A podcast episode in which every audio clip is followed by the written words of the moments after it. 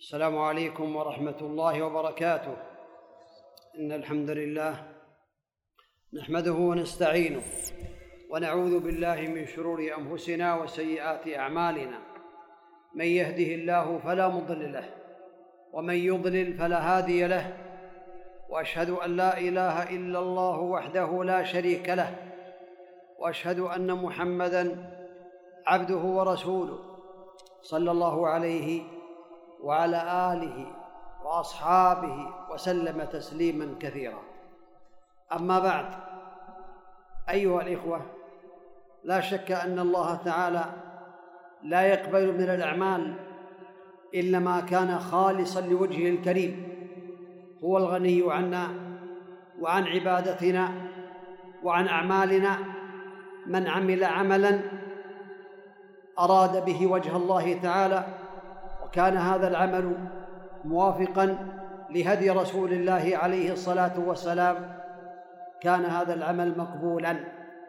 ومن عمل عملا لم يرد به وجه الله تعالى أو أراد به وجه الله تعالى لكنه على خير على غير هدي رسول الله عليه الصلاة والسلام يكون هباء منثورا. فلا بد أن يكون خالصا لوجه الله ولا بد أن يكون على سنة رسول الله عليه الصلاة والسلام. والمحاضرة في هذه الليلة في الحقيقة هي عنوان ينبغي للمسلم أن يعنى به وأن يتأمل فيه وأن يتأمل فيه وأن يعمل بما يرضي الله تعالى بما يرضي الله تعالى فيه. الشرك الأصغر وخطره على الأمة وهذا في الحقيقة من نجا منه نجا من كل شر ومن وقع فيه وقع في الشرور وبطلت أعماله والعياذ بالله تعالى. ولا شك أن مفهوم الشرك الأصغر هو ما جاء في النصوص بتسميته شركا ولم يبلغ رتبة العبادة. هذا هو الشرك الأصغر. وقيل هو وسيلة كل وسيلة قولية أو فعلية أو إرادية توصل إلى الشرك الأكبر. وهذا في الحقيقة هو الشرك الذي خافه علينا رسول الله عليه الصلاة والسلام. أكثر من الشرك الأكبر وأخوف من المسيح الدجال. كما قال النبي عليه الصلاة والسلام أخوف ما أخاف عليكم الشرك الأصغر. يعني أخوف علينا حتى من المسيح الدجال الذي أنذره الأنبياء عليهم الصلاة والسلام أقوامه. اخوف ما خاف عليكم. على من؟ من يخاطب عليه الصلاة والسلام؟ يخاطب الصحابة الذين وفقهم الله تعالى لنصرة نبيه عليه الصلاة والسلام. والخطاب عام يكون عاما للصحابة ولغيرهم. إلى قيام الساعة. ولا شك أن الشرك الأصغر أقسام أعاذنا الله وإياكم منه. ظاهر وهو نوعان ألفاظ وأفعال. فالنوع الأول الألفاظ كالحلف بغير الله يحلف بغير الله أو, يست أو, أو يقول ما شاء الله وشيت أو يقول أنا بالله وبك أو يقول هذا من الله ومنك أو يقول هذا من بركاتك. هذا كله من الشرك الظاهر في الألفاظ التي حرمها الله تعالى وحرمها النبي عليه الصلاة والسلام. أما الحلف بغير الله تعالى فقد حرمه النبي عليه الصلاة والسلام. قال عليه الصلاة والسلام من كان حالفا فليحلف بالله أو ليصمت في رواية أو ليسكت. لا يحلف إلا بالله. وكذلك نهى النبي عليه الصلاة والسلام أن يحلف بالآباء.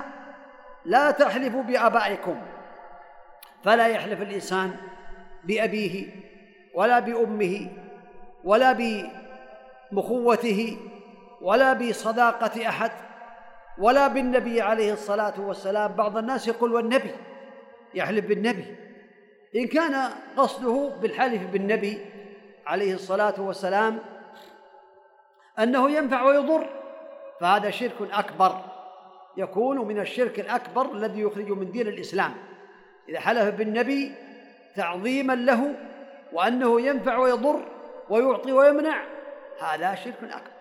أما إذا جرى على لسانه تعود على لسانه أنه يحلف بالنبي أو يحلف بغيره من المخلوقات فهذا شرك أصغر وهو في الحقيقة أكبر من الكبائر أكبر من الزنا.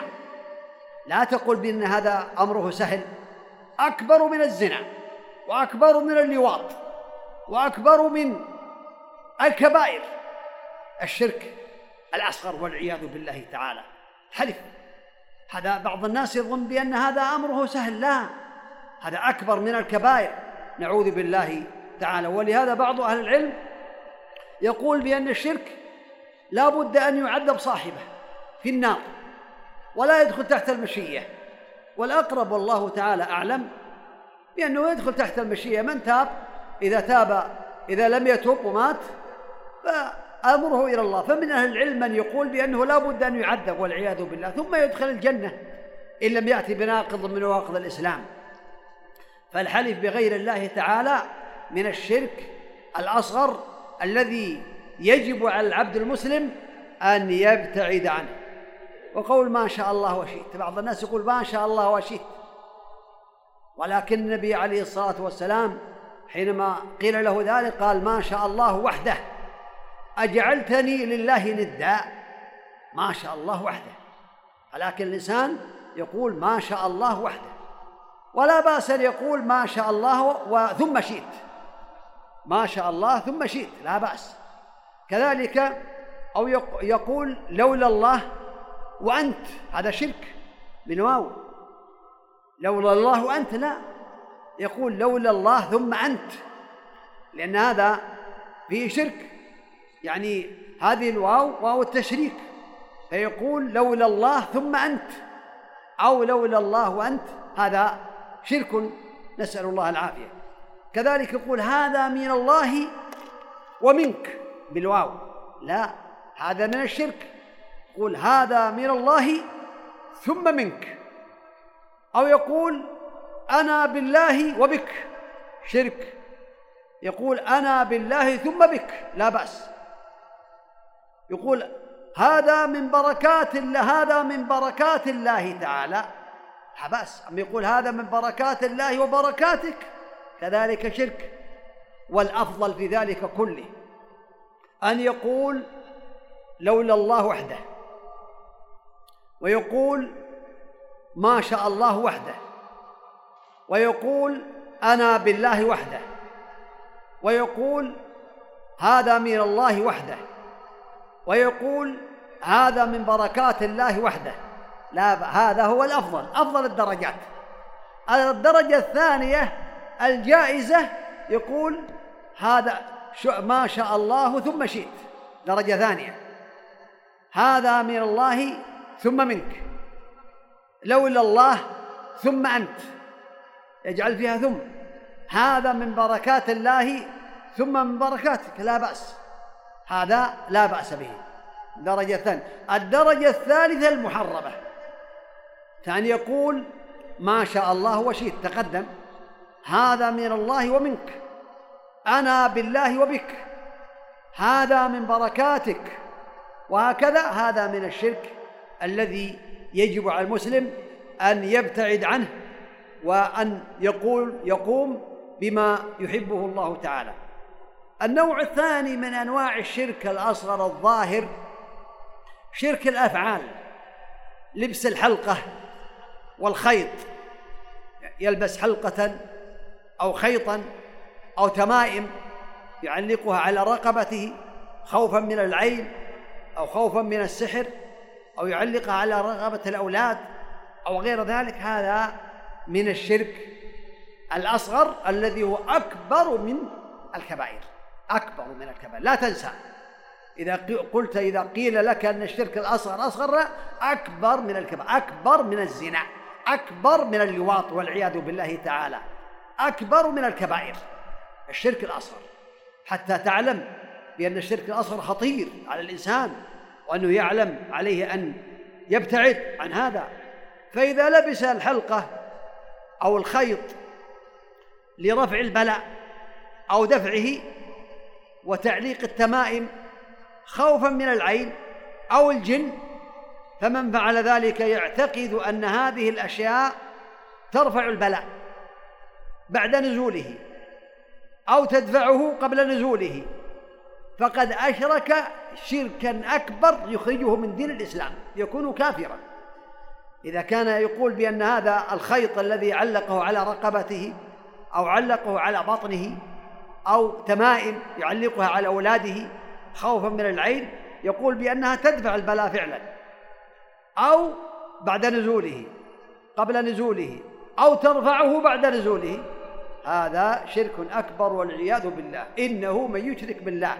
فقد حرم الله عليه الجنة ومواه النار وما للظالمين من أنصار. أما إذا قال بأن هذا من الأسباب سبب من الأسباب التي يعني ترفع البلاء. من أسباب الله تعالى يرفع البلاء بهذا. فهذا في الحقيقة قد وقع في أمر آخر. قد جعل ما ليس سببا شرعيا ولا قدريا سببا وقد كذب على هذا كذب على الشرع وكذب على القدر. لأنه في الحقيقة قال في هذا اعتقد سببا يدفع البلاء فقد جعل ما ليس سببا شرعيا ولا قدريا سببا وهذا كذب على الشرع وكذب على القدر. أما الشرع فإنه نهى عن ذلك. الله تعالى نهى عن ذلك نهى عنه النبي عليه الصلاة والسلام. فكيف تقول بأنه سبب؟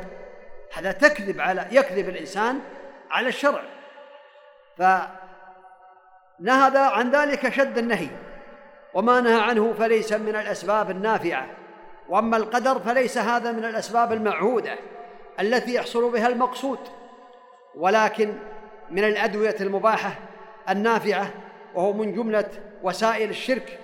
هذا لو قال بأن هذا من الأدوية لكنه ليس من الأدوية النافعة من وسائل الشرك. القسم الثاني من الشرك الأصغر شرك خفي خفي ما يرى أحد. في الإرادات والنيات والمقاصد نسأل الله العافية. وهذا كما قال ابن القيم رحمه الله تعالى هو البحر الذي لا ساحل له. النيات والمقاصد لا ساحل له. هذه الأعمال إذا كانت في النيات والمقاصد. فالله تعالى لا يقبل من العمل إلا ما كان خالصا لوجهه الكريم. وهذا يكون على نوعين. هذا الذي هو الرياء الخفي أو الشرك الخفي يكون على نوعين. الأول الرياء والسمعة. رياء وسمعة نعوذ بالله. والرياء إظهار العبادة لقصد رؤية الناس لها فيحمدوه عليها. والفرق بين الرياء والسمعة أن الرياء لما يرى بالعين يصلي صلاة يزينها حتى يشكر عليها يتصدق أمام الناس حتى يشكر على هذه الصدقة ينفق أمواله حتى يشكر على هذا يكرم أضيافه إكراما حتى يشكر حتى يقال بأنه أه كريما وليس ببخيل. هذا يقال له رياء بما يرى بالعين يصوم من أجل أن يحمد. والخلاصة الصيام في الغالب هو أبعد الأعمال عن الرياء ما لم يتحدث به الإنسان في الغالب. فهذا الرياء الفرق بين الرياء والسمعة أن الرياء لما يرى من الأعمال والسمعة لما يسمع. كان يسمع بقراءته يرفع صوته بالقراءة حتى يقال ما شاء الله هذا قارئ أو يسمع في بموعظته يريد المدح من الناس والثنى من الناس على هذه الموعظة أو بذكره يرفع ذكره يرفع بالذكر سبحان الله والحمد لله ولا إله إلا الله والله أكبر من أجل أن يحمد على ذلك. أما من فعل ذلك ابتغاء مرضات الله تعالى يرجو ثوابه ويخشى عقابه ولا ينظر إلى الناس ما يريد إلا وجه الله تعالى أو يريد أن يعلم الناس حتى يستمعوا كما يفعل في الصلوات المفروضات أدبار الصلوات. فإن من السنة أن ترفع صوتك بالذكر بعد الصلاة. على حسب ما يرفع ما يسمع جارك. تسمع؟ قال ابن عباس كنا نعرف انتهاء النبي عليه الصلاة والسلام من الصلاة بالتكبير. سبحان الله والحمد لله والله أكبر. لعلهم كانوا يرفعون الله أكبر أو كانوا يبدأون بالله أكبر. هذا يدل على أن من السنة أن ترفع صوتك بالذكر بعد الصلاة لكن رفعا مناسبا. لا تشوش على الناس يسمع من بجانبك ماذا تقول. هذا الذي على يمينك الذي عشارك أمامك خلفك يسمع ما تقول. حتى يستفيد. يستفيد الذي لا يحفظ الأذكار. تستفيد أنت كذلك وعليك أن تجاهد نفسك. كذلك قراءة القرآن. إذا كان هناك من بجانبك ولا يقرأ قرآنا ولا يشو ولا تشوش على أحد لا بأس أن ترفع صوتك على حسب ما يسمع. حتى يستفيد وحتى تكسب الثواب من الله يستمع ترتفع منزلته عند الله تبارك وتعالى لأن الله يقول فإذا قرئ القرآن فاستمعوا له وأنصتوا لعلكم ترحمون. فالذي ينصت للقرآن يرحم لأن لعل في القرآن وفي السنة واجبة.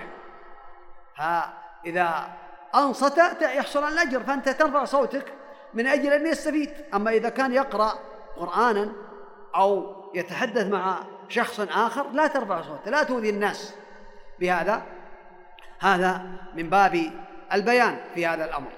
وربما يكون هذه تكون هذه السمعة بالإخبار.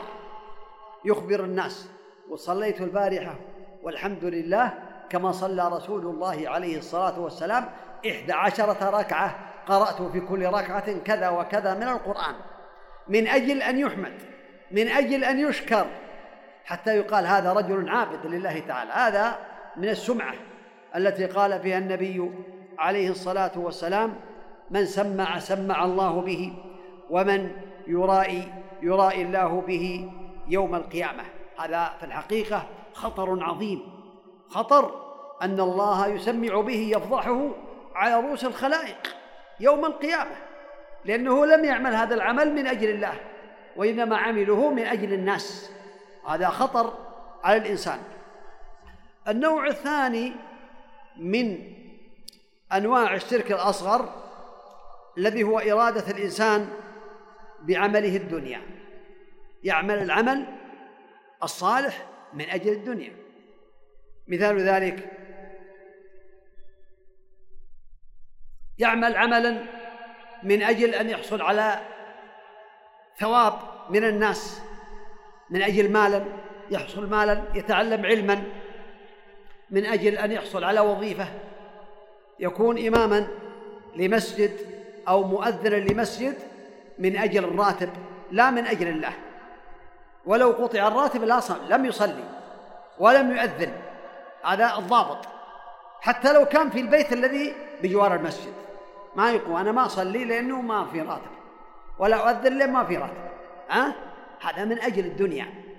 أما الصادق فالمميز قطع الراتب لم يقطع يصلي بالمسلمين ويؤذن ابتغاء مرضات الله تعالى. هذا ولهذا قال النبي عليه الصلاة والسلام من تعلم علما مما يبتغى به وجه الله تعالى لا يتعلمه إلا ليصيب به عرضا من الدنيا لم يجد عرف الجنة يوم القيامة.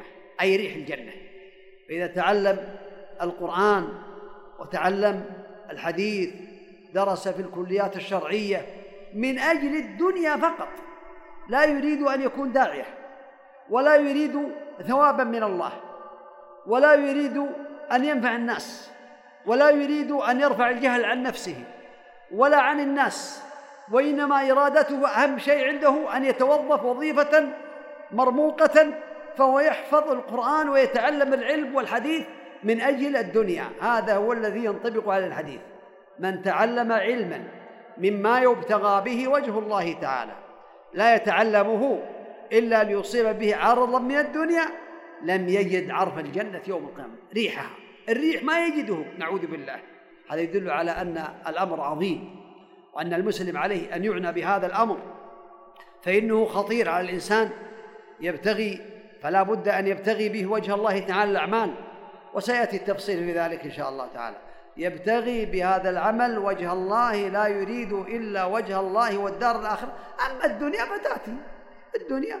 كما قال الله تعالى ومن يتق الله يجعل له مخرجا ويرزقه من حيث لا يحتسب. لا يؤثر عليه. لو دار هذا في ذهنه بأن من اتقى الله جعل الله له مخرجا ورزقه من حيث لا يحتسب. ومن يتوكل على الله فهو حسبه.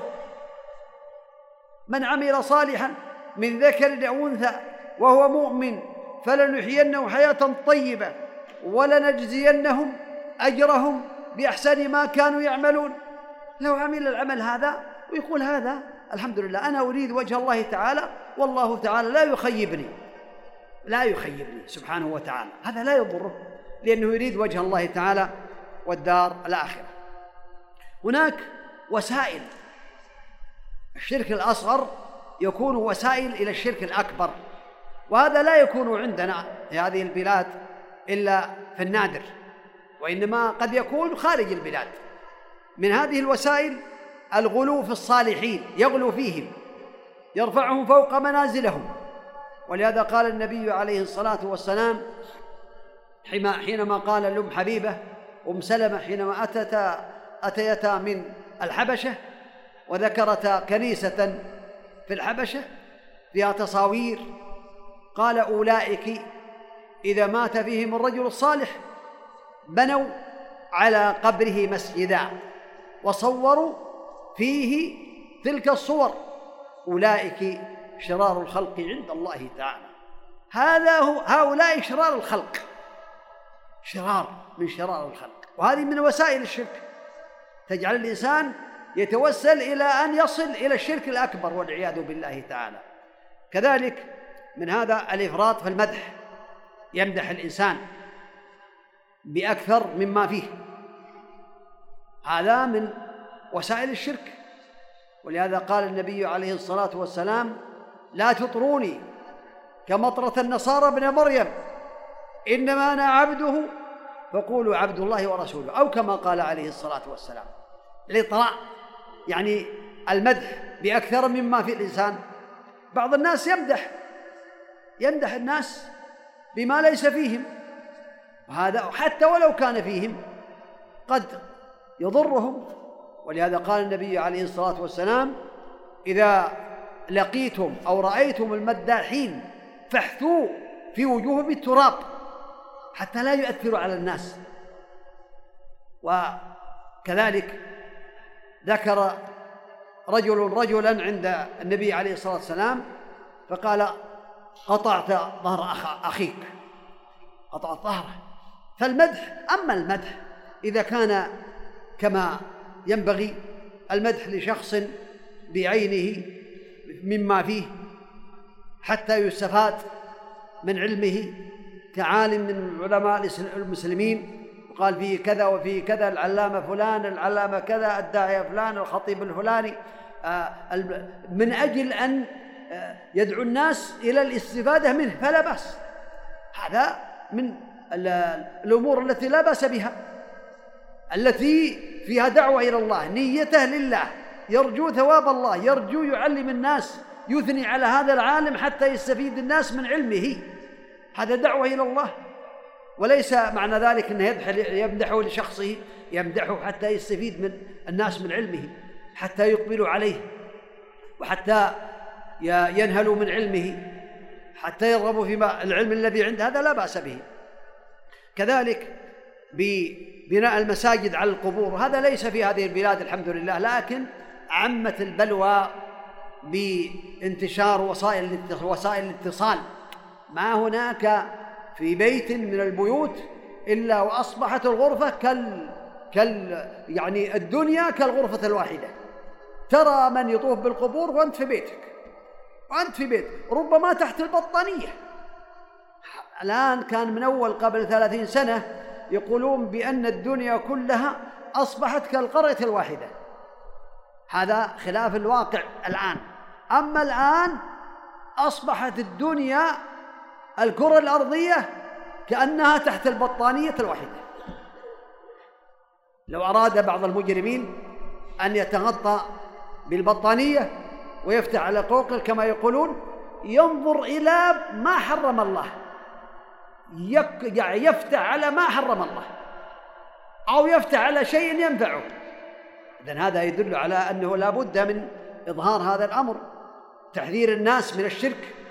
لأنه دخل في البيوت.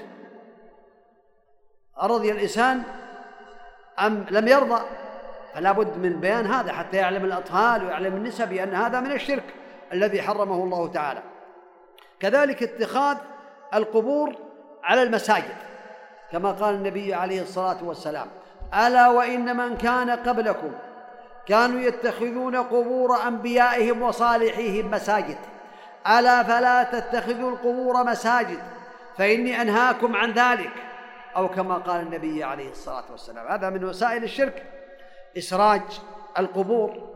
ولهذا جاء في الحديث روي لعن الله زا يعني زورات القبور والمتخذين عليها السرج. أو كما قال عليه الصلاة والسلام الجلوس على القبور لا تجلسوا على لا تصلوا إلى القبور. ولا تجلسوا عليها. فلو جلس أحدكم على جمرة تخرق ثيابه حتى تخلص إلى جلده لكان أسهل عليه من أن يجلس على قبر أو كما قال عليه الصلاة والسلام.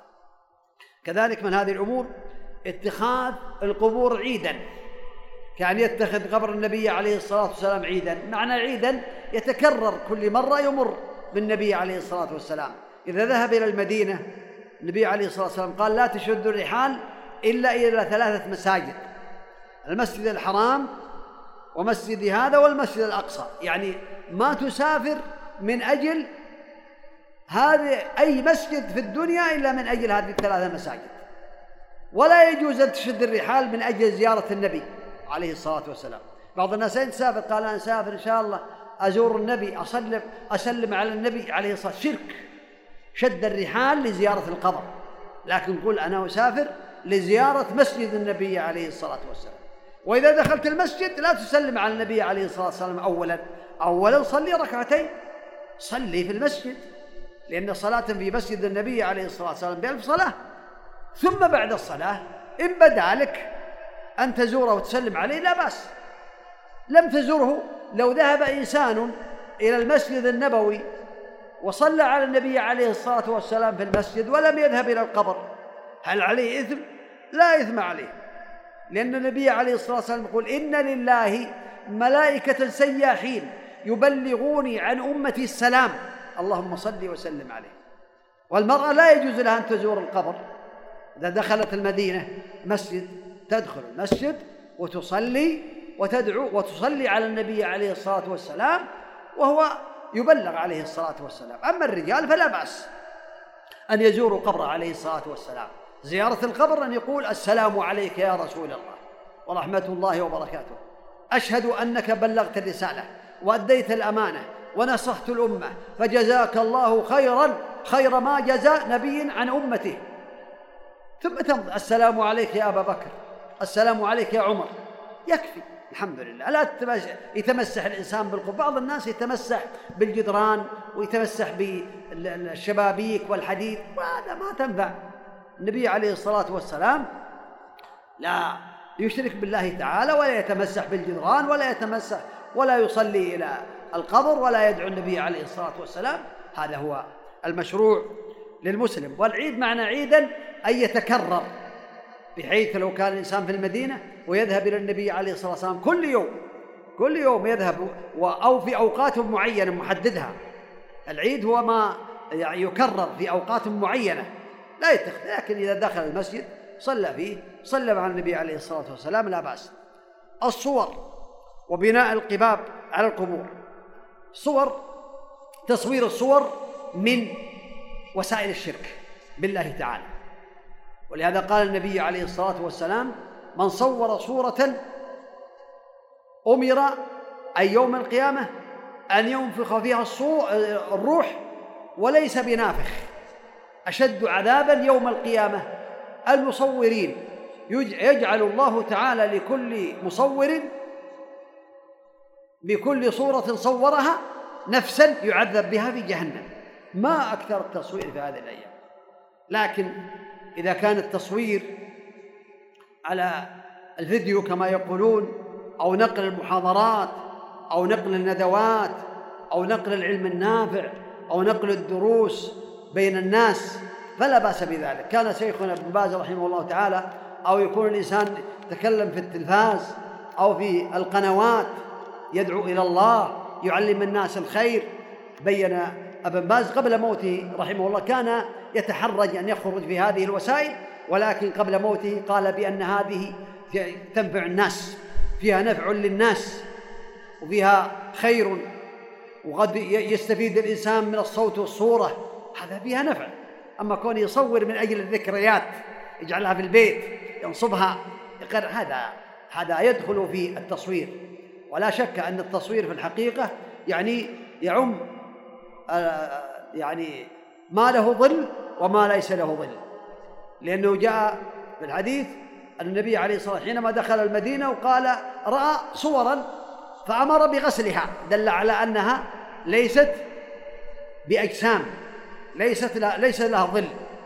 ينتبه الإنسان لا يكثر من هذا بل لا يتعلم ولا يتصور إلا شيئا فيه نفعا للإسلام والمسلمين كالمحاضرات والندوات ويتكلم في القنوات بقال الله قال رسوله عليه الصلاة والسلام يعلم الناس الخير. هذا فيه خير كثير وفيه نفع كثير. أسأل الله أن يوفقنا وإياكم لما يحبه ويرضاه. كذلك من هذه الأمور شد الرحال كما تقدم والزيارة البدعية للقبور. زيارة بدعية للقبور هي على ثلاثة أنواع. زيارة سنية مشروعة وهي أن تزور المقبرة من أجل ثلاثة أمور. الأمر الأول تدعو للميت انقطع عمله. والأمر الثاني تحيي قلبك. زوروا القبور فإنها تذكركم الآخرة. والأمر الثالث تنفع هذا الميت انقطع عمله فتدعو له. وقد ذكر جمع من أهل العلم منهم شيخ الإسلام ابن تيمية. وابن القيم رحمه الله تعالى وابن كثير وصاحب أضواء البيان الشنقيطي سماحة شيخنا عبد العزيز بن باز رحمه الله. حديثا رواه ابن عبد البر أن ما من عبد مسلم يزور أخاه في القبر يعرفه في الدنيا إلا رد الله عليه الروح حتى يرد عليه السلام. فمن أهل العلم من يقول بأنك إذا زرت القبر الله تعالى يرد عليه روحه حتى يرد عليك السلام. هذا فيه فائدة للميت تدعو له. إذا هذه الثلاث الأمور للزيارة من أجل أن يدعو له ومن أجل أن يتذكر الآخرة ومن أجل أن يحيي سنة النبي عليه الصلاة والسلام. أما الزيارة من أجل أن يدعوه أو يقول هذا المكان مبارك أما إذا كان يدعوه من دون الله هذا شرك أكبر. أما إذا كان يقول هذا المبارك والدعاء مستجاب عند هذا الميت فهذا في الحقيقة من البدع. العمل للدنيا كما قال الله تعالى نعوذ بالله من الأعمال التي ليست بخالص في وجه الله الكريم الكريم. يقول الله تعالى من كان يريد العاجلة عجلنا له فيها ما نشاء. لمن نريد ثم جعلنا له جهنم يصلاها مذموما مدحورا. ومن أراد الآخرة وسعى لها سعيها وهو مؤمن فأولئك كان سعيهم مشكورا. هذا إرادة الدنيا بعمل الآخرة. من كان يريد الحياة الدنيا وزينتها نوفي إليهم أعمالهم فيها وهم فيها لا يبخسون. إذا من كان يريد الحياة الدنيا وزينتها نوفي إليهم أعمالهم فيها وهم لا يبخسون. أولئك الذين ليس لهم في الآخرة إلا النار وحبط ما صنعوا فيها وباطل ما كانوا يعملون. وقال سبحانه من كان يريد حرث الآخرة نزد له في حرثه ومن كان يريد حرث الدنيا نؤته منها. يعني يؤتى منها وليس له في الآخرة من نصيب وما له في الآخرة من نصيب. ومن الناس من يقول ربنا آتنا في الدنيا وما له في الآخرة من خلاق. ومنهم من يقول ربنا آتنا في الدنيا حسنة وفي الآخرة حسنة وقنا عذاب النار. ذكر الإمام المجدد شيخ الإسلام محمد بن عبد الوهاب رحمه الله تعالى بأن العمل للدنيا في هذه الآيات يكون على أربعة أنواع. يفهمها الإنسان خاصة طالب العلم. يكون العمل للدنيا على أربعة أنواع. العمل الصالح كالصلاة والزكاة وغير ذلك يعملها الإنسان لا يريد الآخرة. إنما يريد أن يحفظ الله ماله. يسمع بأن الله يقول ومن يتق الله يجعل له مخرجا. ويحفظ الله ولده. ويحفظ الله ويحفظه الله من الأمراض. ويعافيه الله تعالى من الفتن. ما ظهر منها وما بطن في غير الدين. فهذا عمله لغير الله. يعمل هذه الأعمال الصالحة لا يريد الجنة ولا يريد الهروب من النار. ولا يريد أن يرضي الله ولا يريد أن يكسب.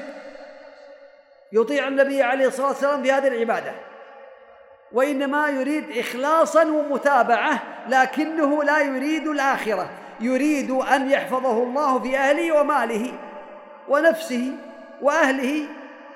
هذا من عمل الدنيا. نسأل الله العافية. ليس له في الدنيا ليس له في الآخرة من نصيب. نسأل الله العافية. من كان يريد العاجلة عجلنا له فيها ما نشاء لمن نريد؟ ثم جعلنا له جهنم يصلاها مذموم مدحورا. نعوذ بالله. النوع الثاني يعمل العمل الصالح ولا يريد ثواب الآخرة وإنما يريد الرياء حتى يثنى عليه. لا يريد لا جنة ولا يريد الهروب من النار وإنما يريد أن يرائي الناس. حتى يقال هذا إنسان محترم هذا إنسان عابد. هذا كذلك أكبر من الأول. نسأل الله العفو والعافية. العمل الثالث أن يعمل الأعمال الصالحة. يريد ما يريد مالا فقط. ما يريد إلا المال. يحج. لا يريد أن يقف مع الناس في عرفات. ولا يريد أن يحصل على أجر. ولا يريد أن يرفع يقضي هذه الفريضة عن هذا الإنسان. يحج من أجل هذا المال فقط. وهذا الذي يعمل هذا العمل لا شك أنه سيقصر لأن بعضهم بعد مدة يسأل يقول أنا حججت وكيلا ولم أطه طواف الإفاضة. تاب إلى الله. ولم أسعى بين الصفا والمروة. هذا ما ما حج لله. حج من أجل الدنيا. إذن يعمل العمل الصالح من أجل المال. يقوم بالإمامة في المسجد أو الأذان في المسجد أو غير ذلك لا يريد وجه الله وإنما يريد المال فقط. هذا نسأل الله العفو والعافية من هذه الأنواع. والنوع الرابع من هذا العمل الذي لغير الله يعمل بطاعة الله إخلاصا لله وعلى هدي رسول الله لكنه أتى بناقض من نواقض الإسلام. أتى بناقض والعياذ بالله تعالى. وقدمنا إلى ما عملوا من عمل فجعلناه هباء منثورا. نعوذ بالله. نسأل الله العفو والعافية. لأن هذه الأمور الأربعة تكون من الأعمال للدنيا وهي داخلة في هذه الآيات التي سمعتموها. أما خطر الشرك الأصغر على الأمة فبينه النبي عليه الصلاة والسلام. أولا قوله عليه الصلاة والسلام فيما يرويه عن ربه تبارك وتعالى. إنما قال الله تعالى إنما أنا بشر مثلكم. يقول للنبي عليه الصلاة والسلام قل قل يا محمد إنما أنا بشر مثلكم. إنما أنا بشر مثل يوحى إلي أنما إلهكم إله واحد. فمن كان يرجو لقاء ربه فليعمل عملا صالحا ولا يشرك بعبادة ربه أحد. والعمل الصالح لا يكون صالحا إلا بشرطين أن يكون خالصا لوجه الله وأن يكون على هدي رسول الله عليه الصلاة والسلام. وقال النبي عليه الصلاة والسلام كما سمعتم في الحديث من تعلم علما مما يبتغى به وجه الله تعالى لا يتعلمه إلا ليصيب به عرضا من الدنيا لم يجد عرف الجنة يوم القيامة. وثبت عنه عليه الصلاة والسلام أنه قال أنا أغنى الشركاء عن الشرك. من عمل عملا أشرك معي فيه غيري تركته وشركه رواه مسلم. قال من سمع سمع الله به ومن يرائي الرأي له به. سمع بأعماله يسمع الله به ويرائي الله به. يوم القيامة يفضح على رؤوس الخلائق بأن هذا العمل لا يكون خالصا لم يكن لله. ولهذا ستسمعون هذا قول النبي عليه الصلاة والسلام ألا أخبركم بما هو أخوف عليكم عندي من المسيح الدجال؟ اسمع والله يا هذا الحديث عظيم. ألا أخبركم بما هو أخوف عليكم من المسيح؟ عندي من المسيح الدجال. الشرك الخفي. أن يقوم الرجل فيصلي فيزين صلاته لما يرى من نظر رجل. أي من نظر رجل إليه يصلي لكن دخل بعض الناس وسمع بأنه فحسن صلاته بدل ما يقول سبحان ربي العظيم مرة واحدة مرتين ثلاث يزيد فيها يزيد في الخشوع. هذا نسأل الله العفو والعافية. زينها. دخل فيها التحسين. لا صل الله لا تزيد ولا تنقص. وإذا وجدت شيئا تقول أعوذ بالله من الشيطان الرجيم. تعلم بأن هذا الإنسان لا ينفع ولا يضر ولا يعطي ولا يمنع ولا يخفض ولا يرفع ما عنده شيء. وإن يمسسك الله بضر فلا كاشف له إلا هو. وإن يمسسك بخير فهو على كل شيء قدير. الإنسان لازم أن ينتبه لهذه الأمور. كذلك منها قوله عليه الصلاة والسلام إذا جمع الله الأولين والآخرين ليوم القيامة ليوم لا ريب فيه نادى مناد من أشرك في عمل عمله لله أحدا فليطلب ثوابه من عند غير الله. فإن الله أغنى الشركاء عن الشرك.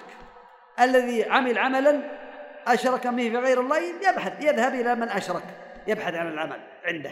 نسأل الله العفو والعافية. في الدنيا والآخرة. كثير من الناس لا يتكلم عن هذا. والله نخاف على أنفسنا كلنا لا المتكلم ولا المستمع. أسأل الله بوجهه الكريم أن يجعل أعمالنا خالصة لوجه خالصة لوجه الكريم. ونعوذ بالله من الرياء والسمعة ونعوذ بالله من الشرك كبيره وصغيره. نسأل الله العفو والعافية. وسترون أن من يخاف من الشرك ينجو إن شاء الله تعالى فيما يأتي إن شاء الله تعالى. قال إن أخو ما خاف عليكم الشرك الأصغر. قالوا وما الشرك الأصغر يا رسول الله؟ قال الرياء. يقول الله عز وجل لهم يوم القيامة إذا, جنا إذا جاز الناس بأعمالهم اذهبوا إلى الذين كنتم تراؤون في الدنيا. فانظروا هل تجدون عندهم جزاء؟ رواه الإمام أحمد وصححه الألباني رحمه الله هذه الأحاديث التي سمعتموها كلها ثابتة عن النبي عليه الصلاة والسلام. كذلك الإنسان الذي يخاف هذا الشرك ينجو إن شاء الله منه. جاء رجل إلى النبي عليه الصلاة والسلام وقال يا رسول الله إن مدحي زين. مدحي زين.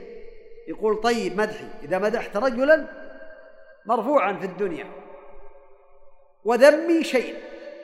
إذا ذم إذا ذممت رجلا أو إنسانا أو قبيلة هلكت. يا رسول الله إن مدحي زين وذمي شيء. فقال له النبي عليه الصلاة والسلام ذاك الله. من هو؟ ذاك الله. هو الذي مدحه زين. إذا مدحك سعدت في الدنيا والآخرة. وإذا ذمك شقيت في الدنيا والآخرة. نسأل الله العافية. ومن أعظم الذنب أن يبغضك الله تعالى. ومن أعظم المدح أن يحبك الله تعالى. ولهذا قال النبي عليه الصلاة والسلام إذا أحب الله العبد نادى جبريل يا جبريل إني أحب فلان فأحبه. فجبريل ينادي في السماء. إن الله يحب فلان فأحبه ثم يوضع له القبول في الأرض. اللهم اجعلنا منهم يا الله. اللهم اجعلنا ممن تنادي جبريل بأنك تحب. نسألك يا ذا الجلال والإكرام بوجهك الكريم أن تستجيب لنا يا الله. أن تجعلنا ممن ينادي جبريل ويقول إن الله يحبهم فأحبه اللهم صل على محمد. وإذا أبغض الله العبد نادى جبريل يا جبريل إني أبغض فلان فأبغضه. نسأل الله العافية. نعوذ بوجه الله العظيم. نسأل الله العفو والعافية. يا جبريل إني أبغض فلان فأبغضه. فينادي جبريل في أهل السماء إن الله يبغض فلان فأبغضه. ثم يوضع له أو توضع له البغضاء في الأرض نسأل الله العافية. والحديث رواه البخاري ومسلم. حديث ثابت صحيح. هذا هذا هو المدح الزين. هذا المدح الزين. أما الذم الشين كذلك إذا ذم الله تعالى الإنسان وقال بأنه لا يحبه. نسأل الله العفو والعافية. وقال الله تعالى في الذين يخافون هذا العمل والذين يؤتون ما آتوا وقلوبهم وجلة أنهم إلى ربهم راجعون. قالت عائشة يا رسول الله أهو الرجل يزني ويسرق ويشرب الخمر. لأن الله قال والذين يؤتون ما آتوا وقلوبهم وجلة أنهم إلى ربهم راجعون. قالت يا رسول الله أهو الرجل يزني ويسرق ويشرب الخمر؟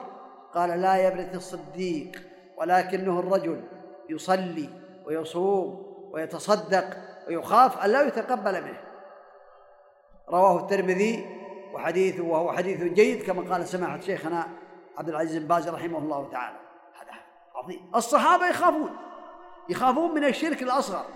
ولهذا قال ابن أبي مليكة أدركت ثلاثين من أصحاب محمد صلى الله عليه وسلم. ما منهم من أحد يقول بأن إيمانه كإيمان جبريل وميكائيل وما منهم من أحد إلا يخاف النفاق على نفسه. سبحان الله. جاء في البخاري كذلك قال الحسن الحسن البصري كما ذكر معلقا في البخاري ما خافه إلا مؤمن وما أمنه إلا منافق. فأنت إذا خفت الرياء وخفت السمعة دائما تحافظ على أعمالك. اللهم إني أعوذ بك أن أشرك بك شيئا أعلمه وأستغفرك لما لا أعلمه. اللهم إني أسألك بوجهك الكريم أن تجعل عملي خالصا لوجهك الكريم. لا بأس الجنة لا يسأل بوجه الله إلا الجنة. أو ما قرب إليها. كما قال سماحة شيخنا عبد العزيز بن باز رحمه الله يقول يجوز أو يقول يذكر بأنه لا بأس أن يسأل بوجه الله الكريم ما يقرب إلى الجنة. فلا تسأل بوجه الله الكريم إلا الجنة أو ما يقرب إليها. لأنك إذا قلت أسأل الله أسألك يا رب بوجهك الكريم أن تجعل عملي خالصا لوجهك الكريم على هدي رسولك عليه الصلاة والسلام. وأن تعيدني من الرياء والسمعة يا رب العالمين. هذا من العمل الذي يقرب إلى الجنة. هذا عمل مبارك. كذلك قال عمر بن الخطاب عمر بن الخطاب من هو عمر؟ عمر بن الخطاب الذي يفر الشيطان منه. لو سلك فجا سلك الشيطان فجا آخر غير فجه طريقا. كان النبي عليه الصلاة والسلام مع بعض النساء وكنا يرفعن أصواتهن عند النبي عليه الصلاة والسلام وحينما دخل عمر رضي الله عنه احتجبنا. لعل هذا يكون قبل الحجاب والله تعالى أعلم. وسكتنا فتبسم النبي عليه الصلاة والسلام. أو ضحك. فقال عمر أضحك الله سنك يا رسول الله من ماذا؟ يسأله قال فأخبره النبي عليه الصلاة والسلام. قال يا عدوات أنفسهن أليس رسول الله عليه الصلاة والسلام أحق أن تستحين منه؟ فقال والذي نفسي بيده يا عمر ما سلكت فجا إلا وسلك الشيطان فجا غير فجك. رضي الله هذا عمر. ورأى له النبي عليه الصلاة والسلام قصرا في الجنة قصر أبيض. قال رأيت قصرا أبيض أي في الجنة. وبجانبه امرأة تتوضأ. ورأى قصرا آخر فقال هذا رجل لرجل من قريش. في رواية لعمر قال فوليت مدبرا أو كما قال عليه الصلاة والسلام لما علمت من غيرتك يا عمر الرسول عليه الصلاة والسلام. فقال طلب الدخول إلى البيت الذي رآه النبي عليه الصلاة والسلام. له القصر فقال أما الآن فلا لأنه باقي في الدنيا عليه الصلاة والسلام. فأخبر عمر فبكى عمر وقال بأبي أنت وأمي يا رسول الله أو عليك غار؟ أغار عليك؟ مع هذا العمل الصالح ومع هذه الشهادة التي شهد له النبي عليه الصلاة والسلام بها وأنه من الجنة. قال عمر أبو بكر في الجنة وعمر في الجنة. إلى آخر الحديث.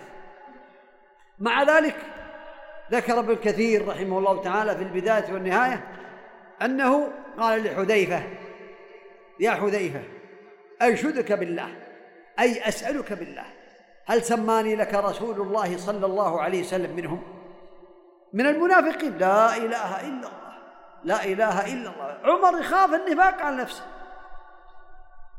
أنشدك بالله هل سماني لك رسول الله عليه الصلاة والسلام منهم؟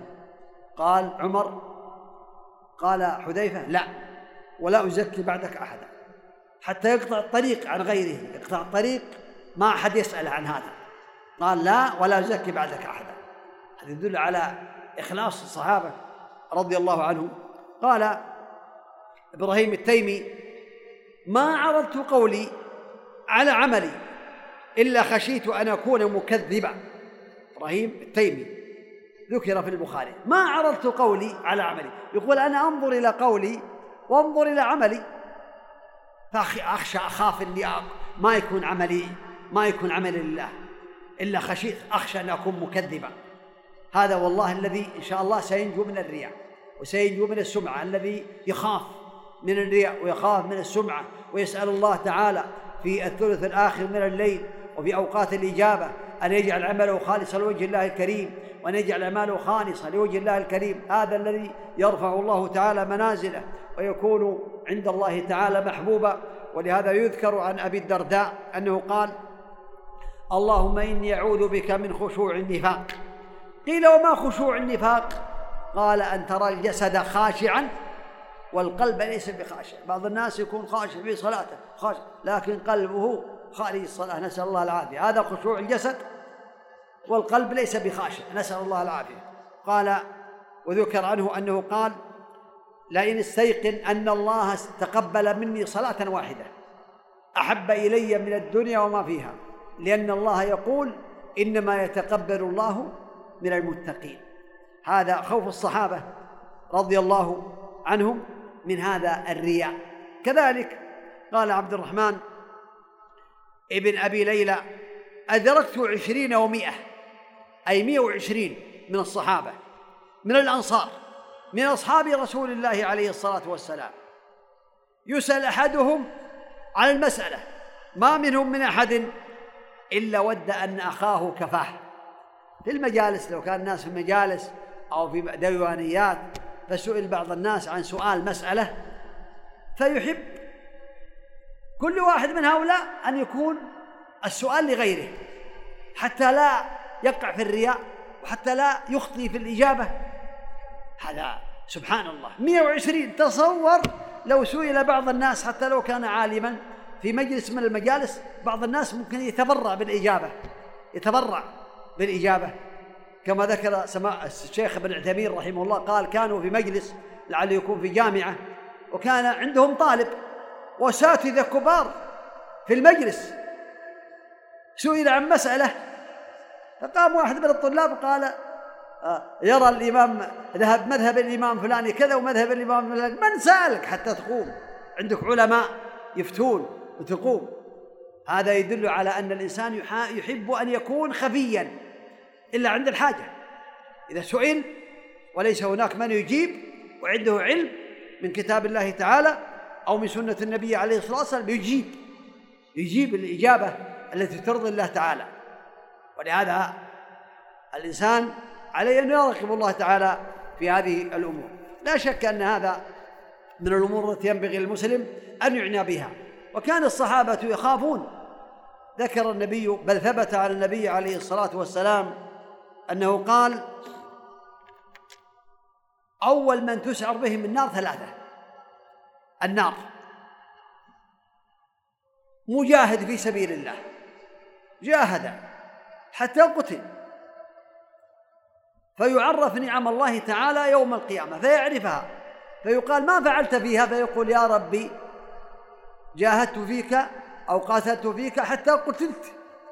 فيقول الله كذبت وإنما فعلت ذلك ليقال هو جري أي شجاع. وقد قيل حصلت على ما أردت. نسأل الله العافية. نسأل الله العفو والعافية. ثم وقد قيل ثم يؤمر به ويسحب على وجهه لنا إلى جهنم. والآخر رجل من أهل الأموال عنده مال بل عنده علم. تعلم القرآن وعلمه وتعلم العلم وعلمه. فيؤتى به يوم القيامة فيعرف نعم الله تعالى فيعرفها.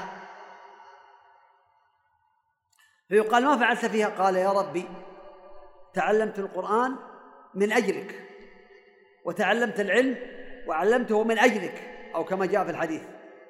فيقال له كذبت وإنما تعلمت العلم ليقال عالم وقرأت القرآن ليقال قارئ وقد قيل ثم يؤمر به ويسحب على وجهه إلى جهنم. هذا ليس فيه تثبيطا لمن يتعلم العلم ولا لمن يقرأ القرآن لا. بل فيه تشجيعا إلى أن يتعلم العلم لله ويقرأ القرآن لله يرجو وجه الله والدار الآخرة. يرجو أن يقرأ القرآن ويقال له اقرأ ورتل كما كنت ترتل في الدنيا فإن منزلتك عند آخر آية تقرأ بها. هذا هو الذي تعلم لله. فلا شك أن الإنسان قال ويؤتى بالثالث. رجل أعطاه الله من أصناف المال. فيعرف نعم الله تعالى فيعرفها. فيقال له ما فعلت فيها؟ فيقال يا ربي ما تركت من سبيل تحب أن ينفق لك فيها إلا أنفقت. فيقال له كذبت. وإنما فعلت ذلك ليقال هو جواد أي كريم. وقد قيل حصلت على ما أردت. ثم يؤمر به ويسحب على وجهه إلى جهنم. الحديث رواه مسلم وكان أبو هريرة كما ذكر في مسلم يبكي الذي حفظ خمسة آلاف حديث من النبي عليه الصلاة والسلام. يبكي إذا حدث بهذا الحديث رضي الله عنه وأرضاه. يخاف فنحن أولى بالخوف. أسأل الله بوجهه الكريم أن يجعلني وإياكم من المخلصين الصادقين. وأن يعيذنا وإياكم من الرياء والسمعة وأن يجعل أعمالنا وأعمالكم خالصة لوجه الله الكريم. ولا شك أن الأعمال لا تقبل إلا بالإخلاص لله ومتابعة النبي صلوات الله وسلامه عليه. ولهذا قال القاضي عياض ترك العمل من أجل الناس رياء والعمل من أجل الناس شرك. والإخلاص أن يعافيك الله منهما. فالإخلاص في حياة المسلم أن يقصد بعمله وقوله وسائر تصرفاته وتعليمه وجه الله تعالى وحده لا شريك له. ولا شك أن الإنسان عليه أن يعلم بأن الله أمر بذلك وما أمروا إلا ليعبدوا الله مخلصين له الدين. إنا أنزلنا إليك الكتاب بالحق فاعبد الله مخلصا له الدين. ألا لله الدين الخالص؟ قل إن صلاتي ونسكي ومحياي ومماتي لله رب العالمين لا شريك له وبذلك أمرت وأنا أول المسلمين. أولهم النبي عليه الصلاة والسلام. لهذا قال النبي صلوات الله وسلامه عليه في هذا فمن كان بل قال بل قال الله تعالى فمن كان يرجو لقاء ربه كما تقدم في الآية فليعمل عملا صالحا ولا يشرك بعبادة ربه أحدا. وقال الله تعالى ومن أحسن دينا ممن أسلم وجهه لله وهو محسن ومن أحسن دينا. ممن أسلم وجهه. أسلم أخلص. وهو محسن أي في اتباع النبي عليه الصلاة والسلام.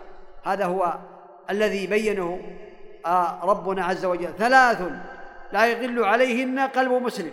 إخلاص العمل لله ومناصحة ولاة الأمر. وكذلك ولزوم جماعة المسلمين. فإن دعوتهم تحيط من ورائهم. قل هذه سبيلي أدعو إلى الله على بصيرة. يقول الله تعالى للنبي قل هذه سبيلي أدعو إلى الله على بصيرة. إيش معنى هذا؟ الشاهد من هذا قل هذه سبيلي أدعو إلى الله. أدعو إلى الله لا أدعو إلى نفسي. أدعو إلى الله. كما قال الله تعالى ادعو إلى سبيل ربك بالحكمة والموعظة. قال النبي عليه قال الله تعالى كذلك ومن أحسن قولا ممن دعا إلى الله. الشاهد فيها إلى الله.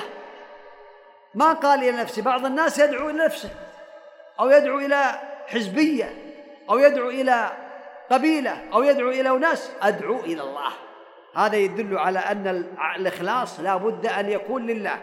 إذا مرض العبد أو سافر كتب الله له ما كان يعمل صحيحا مقيما. هذا بالإخلاص لله. قال النبي عليه الصلاة والسلام من سأل الله الشهادة بصدق بلغه الله منازل الشهداء. هذا يدل على الإخلاص. فأسأل الله تعالى أن يجعلني وإياكم من الذين يستمعون القول فيتبعون أحسنه. هذا إنه ولي ذلك والقادر عليه. وصلى الله وسلم وبارك على نبينا محمد. نعم. ومن فضل الإخلاص لله تعالى ترك الرياء أن النبي عليه الصلاة والسلام قال ما من امرئ تكون له صلاة بليل فيغلبه عليه فيغلبه عليها نوم إلا كتب له أجر صلاته وكان نومه عليه صدقة. فضل الله. تنام في الليل وتريد أن تستيقظ وتصلي لكن غلبتك عينك ونمت. هذه هذا النوم صدقة من الله. لأن نيتك موجودة إنما الأعمال بالنيات وإنما لكل امرئ ما نوى. قال من توضأ فأحسن الوضوء. ثم خرج إلى المسجد فوجد الناس قد صلوا. أعطاه الله مثل أجر من صلى وحضر. لا ينقص ذلك من أجره شيئا. هذا الذي يصلي دائما مع الجماعة. لكن يوم من الأيام شغل وبهت فلم يتيسر له. أن يحضر الصلاة من أولها مرة أو مرتين أما دائما دائما لا ما يكتب له. فإذا توضأ ثم ذهب إلى المسجد فوجد الناس قد صلوا كتب الله له تعالى ما كأنه حضر الصلاة لنية صالحة. قال النبي عليه الصلاة والسلام لقد تركتم بالمدينة في غزوة تبوك. لقد تركتم بالمدينة أقواما ما سرتم مسيرا ولا أنفقتم من نفقة ولا قطعتم من واد إلا وهم معكم. قالوا يا رسول الله كيف يكونون معنا وهم بالمدينة؟ فقال حبسهم العذر. رواه البخاري. العذر حبسهم لكن نيتهم تتقطع قلوبهم للغزو مع رسول الله عليه الصلاة والسلام.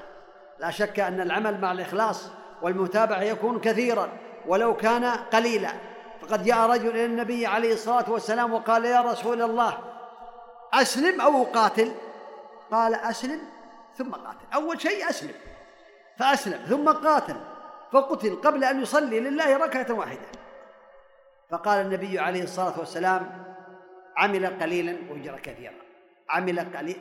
سبحان ما هذا العمل الكثير؟ لأنه كان مخلصا في قوله. ثبت في مسند الإمام أحمد أن رجلا كان يعلمه النبي عليه الصلاة والسلام الإسلام. فكأنه لا يحسن أن ينطق الشهادتين فقال أقررت يعني أنا أقررت بما تقول وكان على بعير فسقط خف البعير في جحر يربوع فسقط الرجل من البعير فقيل عليكم بالرجل فوجدوه قد مات. ما عمل عمل إلا قال أقررت فقال النبي عليه الصلاة والسلام عمل قليلا وأجر كثيرا. قال الراوي حماد قال عمل قليلا وأجر كثيرا. عمل قليلا وأجر كثيرا. ثلاث مرات. إخلاص لله. لأنه قال أقررت يعني بأني أقوم بما تقول به وأعمل به. إخلاصا لله تعالى. هذا العمل الكثير لأنه إخلاصا لله تعالى. وهذا من فضل الله تعالى. وقال النبي عليه الصلاة والسلام لسعد ابن أبي وقاص إنك لن تنفق نفقة تبتغي بها وجه الله تعالى إلا أجرت عليها. إذا أنفق الرجل في الحديث الآخر النفقة على أهله يحتسبها فهي له صدقة. كم ننفق من الأموال الطائلة على أهلنا وفي بيوتنا؟ إنه يا أخي بأنها صدقة على أهلك. تكتب لك كما قال النبي عليه الصلاة والسلام. هذا يدل على عظم الأمر. قال إنما الدنيا لأربعة نفر. النية إنما الأعمال بالنيات وإنما لكل امرئ ما نوفى وإنما كل امرئ ما نوى. أختم كلامي بهذا الحديث. قال النبي عليه الصلاة والسلام إنما الدنيا لأربعة نفر. رجل آتاه الله علما ومالا فهو يتقي فيه ربه يتقي في ماله ربه ويصل فيه رحمه رحمه ويعلم بأن لله فيه حقا. فهو بأعلى المنازل عند الله. والرجل الثاني رجل لأنه قال لأربعة نفر رجل. آتاه الله علما ولم يؤتيه مالا. فقال لو أن لي مثل مال فلان لعملت مثل عمله. فهم في الأجر سواء. سبحان الله. بالنية يقول فلان يبني مساجد. لو كان لي مثل ماله لعملت مثل عمله. ينفق على الفقراء والمساكين يتصدق ورجل لم يؤتيه الله مالا ولا علما فهو لا يعرف لله. ورجل آتاه الله مالا هذا الثالث ولم يؤتيه علما فهو يتخبط في ماله. لا يصل فيه رحما ولا يعلم لله فيه حقا يتخبط في ماله. فهذا بأخبث المنازل والعياذ بالله.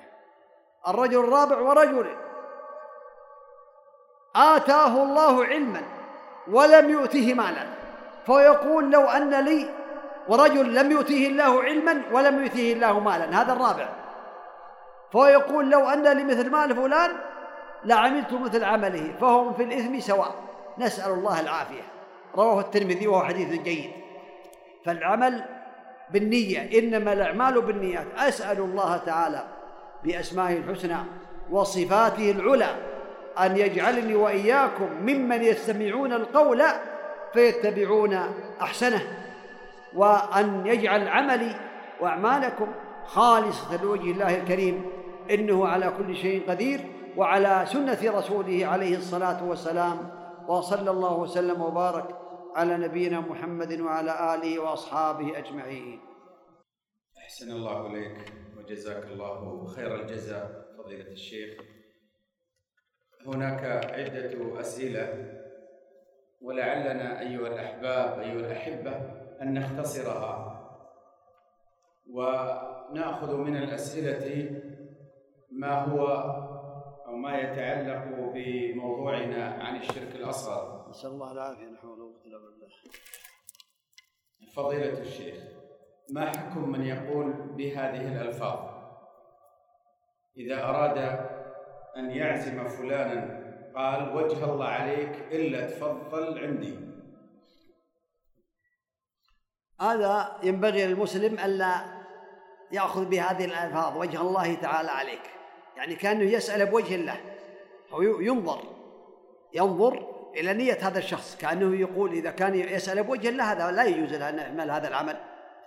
فالخلاصة أنه لا يقول هذه الألفاظ وهذه من الألفاظ الحقيقة التي ينبغي للمسلم أن يتركها بل يجب عليه أن يترك هذه الألفاظ. نعم.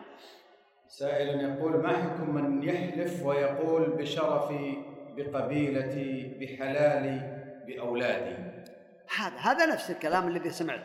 هذا أكبر من الزنا وأكبر من اللواط وأكبر من شرب الخمر والعياذ بالله. لأن العلماء رحمهم الله تعالى قالوا بأن الشرك الأصغر أكبر من الكبائر. فلا يجوز له أن يعمل هذا. هذا مثل من يحلف بالنبي يقول والنبي. هو هو رسول الله عليه الصلاة والسلام. لكن مع ذلك من حلف به فقد أشرك. شركا أصغر. نسأل الله العفو والعافية. نعم. عليه أن يتوب إلى الله من هذه الألفاظ. نعم. أحسن الله إليك. إذا أتى زائر قال بعضهم زارتنا البركة. يعني هذا إن شاء الله ما في شيء. يقصد أن يعني إذا يقصد أنه أنت زرتنا وتفضلت علينا بزيارتك فأكرمناك.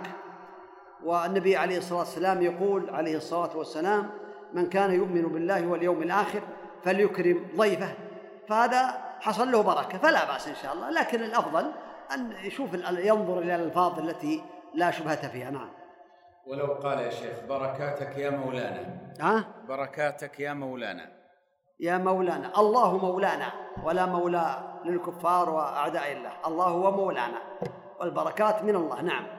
يقول حلفت بالطلاق. ها؟ حلفت بالطلاق. نعم. لكي أعشي أو أذبح لعمتي أو لقريب ولم أعمل لها عشاء. فما الحكم؟ بهذا الحلف وأيضا هل يقع الطلاق أم لا؟ طلاقك في هذا ينبغي المسلم أن لا يحلف إلا بالله. من كان حالفا فليحلف بالله أو ليصمت. كونك تحلف بالطلاق لا يجوز لك أن تعمل هذا العمل. فإن عملته وقصدت بالطلاق زوجتك هذا خطر عليك. أما إذا قصدت الإلزام تلزمه بأن تعشيه أو تكرمه هذا نوع آخر. لكن عليك أن تراجع مركز الدعوة حتى يأخذوا أقوالك ويرفعوها للمفتي حتى آه، ينتبه. لأن بعض الناس قد يزور في كلامه وفي نيته. والله تعالى هو الذي يعلم ما في نيته. نعم. أحسن الله إليك. هناك أشياء توضع بالبيوت أو في البيوت أو السيارات لدفع العين أو الشيطان. من مثل الخرز الأزرق الحذاء الصغير أجلكم الله. كيس يوضع به ملح طعام. ما حكم هذا الفعل؟ هذه هذه كلها والعياذ بالله من آه، آه، التمائم. كلها من الشركيات والعياذ بالله تعالى. ولا تنفع ولا تضر. وقد يمهل الإنسان اختبار وامتحان ابتلاء. نسأل الله العافية فتنة. قد ينجو من باب افتتانه نسأل الله العفو والعافية. هذه الخلاصة أن هذه من التمائم التي لا تجوز. فإن كان يقول بأنها تدفع البلاء شرك أكبر يخرجه من دين الإسلام. وإن كان يقول أنها سببا فقد كذب على الشرع وكذب على القدر. نعم. وضع وضع القلائد والإسوارات للزينة عند بعض الشباب أو بعض الخيوط. وهذا ما عمت به البلوى عند شبابنا. ما حكم هذا الفعل؟ أما موضع السوارات إذا كان يضع السوارات هذا من باب يعني التمائم هذا معلوم إنه من الشرك. أما إذا كان يضع هذه السوارات يعني من باب التجمل فهذا تشبه بالنساء. حقيقة. يعني يتشبه سوار من ذهب أو من لماذا؟ إذا كان من ذهب هذا محرم عليه أولا. تشبه. أما إذا كانت من الخيوط يضع الخيوط في يده من باب آه، يعني يعني التمائم. الخلاصة إذا كان في تشبه بالنساء فهذا النبي عليه الصلاة والسلام قال لعن الله المتشبهين من الرجال بالنساء ولعن الله المتشبهات من النساء بالرجال. وإذا كان ذهب هذا لا يجوز. أيعمد أحدكم إلى قطعة من نار فيجعلها في يده. الخلاصة أن الإنسان يتقي الله تعالى ولا يتشبه بالنساء ولا يتشبه بالكفار ولا يعمل عملا حرمه الله تعالى عليه ولا يعمل من هذه يعني التمائم التي حرمت. نسأل الله العافية. نعم. ينتشر يا شيخ في بعض الصيدليات بيع إسوارة توضع للشفاء. يقولون لشفاء اليد أو شفاء العضد أو ما أشبه ذلك. ما الحكم يا شيخ؟ الذي يظهر والله تعالى أعلم بأن هذا من آه، يحتاج إلى تأمل. اولا هل هذا السوار الذي يلبسونه هل فيه علاج؟ لكن الأقرب والعلم عند الله تعالى أنه يلحق بهذه الأشياء. لأن قد الشيطان قد ينخس هذا الإنسان وقد يكون من أسباب آه، آه، يعني الظن. يظن بأنه إذا وضع هذه الحلقة أو هذا السوار يشفى فالذي يظهر لي والله تعالى أعلم أن هذا من التمائم. ومن لماذا؟ يأخذ حلقة ويحطها صفر. كما قال جي وروي في الحديث. قال سئل عن الصفر قال ما هو؟ قال من الوهنة قال انزعها فإنها لا تزيدك إلا وهنا.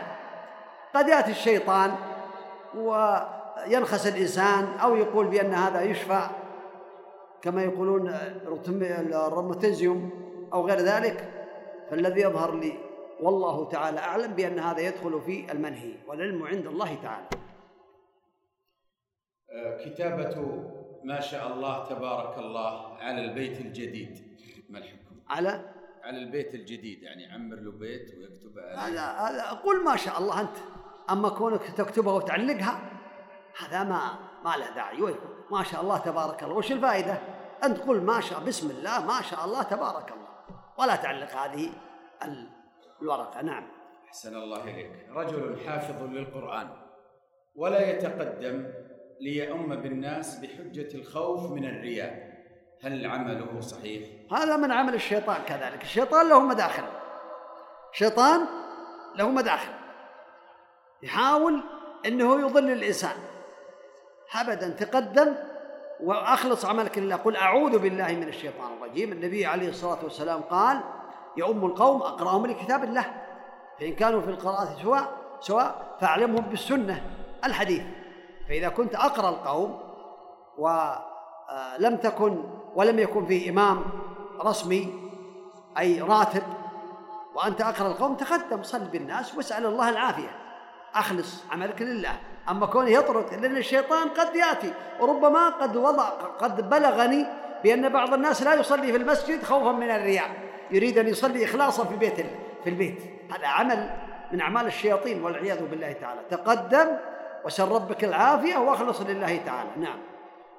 أحسن الله إليك. ينتشر في بعض القنوات الفضائية فضيلة الشيخ آه، بعض الكهنة أو بعض من يدعون علم الطب أو علم الغيب.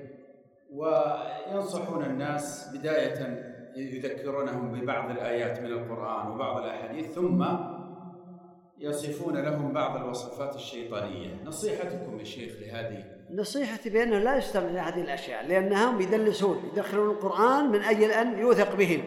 كالسحرة ربما يقرأ بعض القرآن ثم يأتي ويستغيث بغير الله أو يأتي بأشياء سحرية فإذا كان ثبت بأنه من المشعوذين أو من السحرة فلا ينظر إليه ولا يتعلم منه. إذا رأيتم الرجل كما قال الشافعي يطير يسير على الماء ويطير في الهواء فلا تقبل منه حتى تعرض أمره على الكتاب والسنة. قد يكون مدلسا يأتي ببعض الآيات مشعوذا ساحرا ثم يتوصل إلى ما يريد. فالمسلم عليه أن يبتعد عن هذه التمثيليات وعن هذه الأمور التي تنشر بين الناس تعلم السحر. أسأل الله لي ولكم العفو والعافية. نعم. أحسن الله إليك. يقول سائل يقول يحدث أن يثني علي شخص بعمل عملته قدمته له وأشعر بارتياح على هذا العمل وعلى هذا الثناء. ربما يكون حديث نفس بأني آه، قد عملت هذا العمل وأني أخلصت به فهل هذا نوع من أنواع الشرك؟ أول شيء عليك أن تسأل الله العافية والأمر الثاني أنه إذا مدحك إذا عمل الإنسان عملا ثم بدا للناس بدون قصده وأثنوا عليه فهذا من العلامات بشرى المؤمن العاجلة يعني هذا من البشرى له بالخير ولا يضره إذا كان ما قصد ذلك ولا طلب ذلك ولا أظهر ذلك وإنما أثنوا عليه هذه من عاجل بشرى المؤمن. وعليه أن يسأل الله أن يتقبل منه. نسأل الله أن يتقبل منا نسأل الله أن يخلص نياتنا فيما بينه وبين نفسه ويحمد الله على ذلك ويسأل الله العفو والعافية ولا يقصد ذلك. لكن لو كان الإنسان مثلا يحافظ على الخير ويحافظ على العمل الصالح ثم سمع ثناء من الناس بدون قصده لأنه ما عمل العمل هذا للناس عمله لله فأثنوا عليه فسره ذلك. يسأل الله أن يتقبل منه ويسأل الله التوفيق والإعانة ولا ينظر إلى هذا المدح. نعم.